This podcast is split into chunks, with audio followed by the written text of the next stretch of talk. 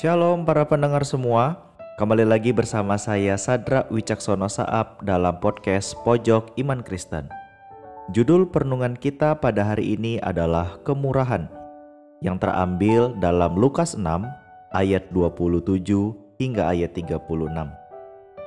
Tetapi kepada kamu yang mendengarkan aku, aku berkata, kasihilah musuhmu, berbuatlah baik kepada orang yang membenci kamu, mintalah berkat bagi orang yang mengutuk kamu, berdoalah bagi orang yang mencaci kamu.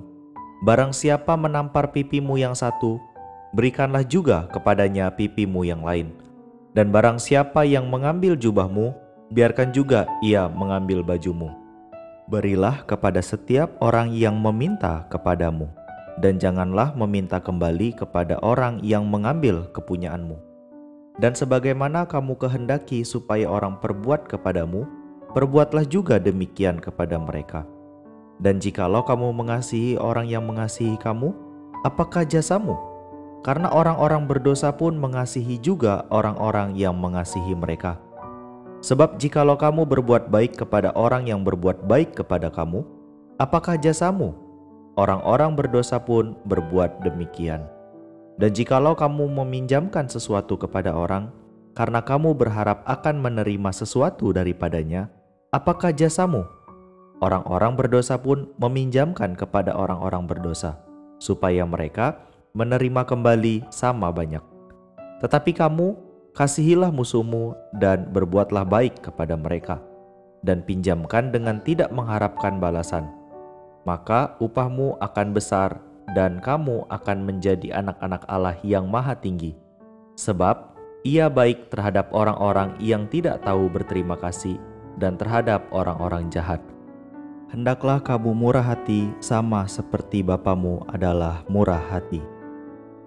Mungkin sangat mudah bagi kita untuk melakukan kebaikan kepada orang-orang yang dekat dengan kita dibandingkan jika kita harus melakukan kebaikan kepada orang-orang yang tidak kita sukai? Atau bagaimana menurut para pendengar semua? Apakah kalian lebih mudah melakukan kebaikan kepada orang-orang yang kamu temui setiap hari, atau yang ada di sekitarmu dibandingkan dengan orang yang tidak kamu kenal? Tentu akan lebih sulit untuk melakukannya kepada orang yang tidak kalian kenal dan yang tidak kita sukai kita cenderung berbuat baik kepada orang-orang yang juga berbuat baik kepada kita. Tetapi akan sangat susah melakukannya kepada orang-orang yang pernah menyakiti kita ataupun membenci kita. Namun ternyata kebaikan ataupun kemurahan hati yang kita lakukan selama ini belum tentu sesuai atau bahkan bisa saja masih jauh dari apa yang firman Tuhan katakan. Kemurahan dalam bahasa Yunani diartikan sebagai kebaikan, penuh belas kasihan, ketulusan yang biasanya berkaitan dengan praktek kehidupan moral dan perilaku seseorang dalam kehidupan sehari-hari. Terlebih lagi, kemurahan tidak hanya sekedar memberi sesuatu, tetapi bersedia merasakan apa yang orang lain rasakan dan dibarengi dengan tindakan yang nyata, membantu menyelesaikan pergumulan atau persoalan yang dihadapi. Namun, para pendengar semua, sering kali kita berbuat baik supaya orang lain juga berbuat baik kepada kita, bukan?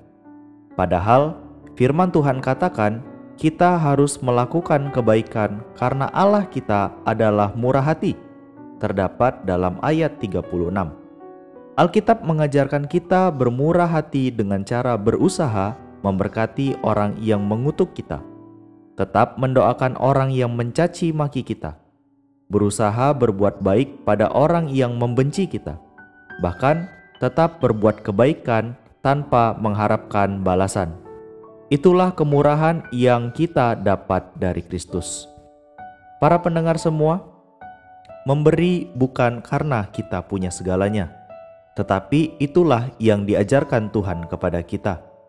Tetaplah bermurah hati, lakukanlah kebaikan Ingatlah, kemurahan apa saja yang sudah kita terima dari Tuhan. Tuhan memberikannya dengan cuma-cuma, maka lakukanlah itu juga kepada orang lain. Biarlah perenungan firman Tuhan pada hari ini menjadi berkat bagi kita semua. Tuhan Yesus memberkati.